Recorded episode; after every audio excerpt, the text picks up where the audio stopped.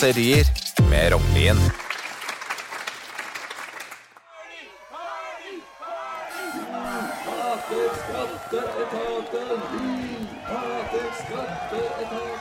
Det feires på Stortinget.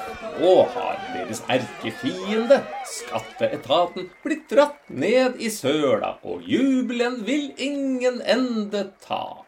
Skatteetaten og Stortinget kranglet i månedsvis, og saken ble avsluttet med at våre rikspolitikere fikk en rett på tygga.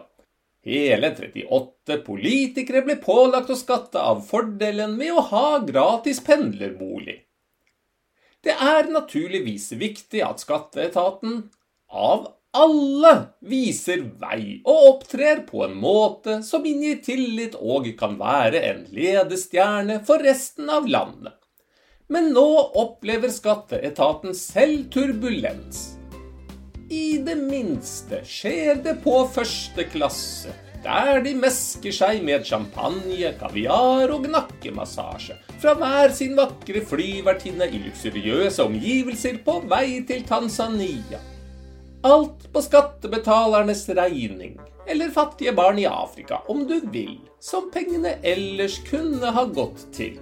Skatteetaten forsvarer seg med at reisende er viktig for å gjøre en god jobb når de skal på møter dagen etter en lang reise. Så legg møtene på ettermiddagen, da! Eller reis dagen før! Siden komiker Jon Niklas Rønning ikke har tatt fram kassegitaren sin og trallet fram ei vise, utviser i stedet vi det nødvendige samfunnsansvar.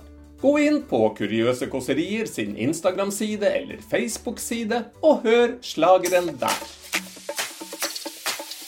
Du har lyttet til Kuriøse kåserier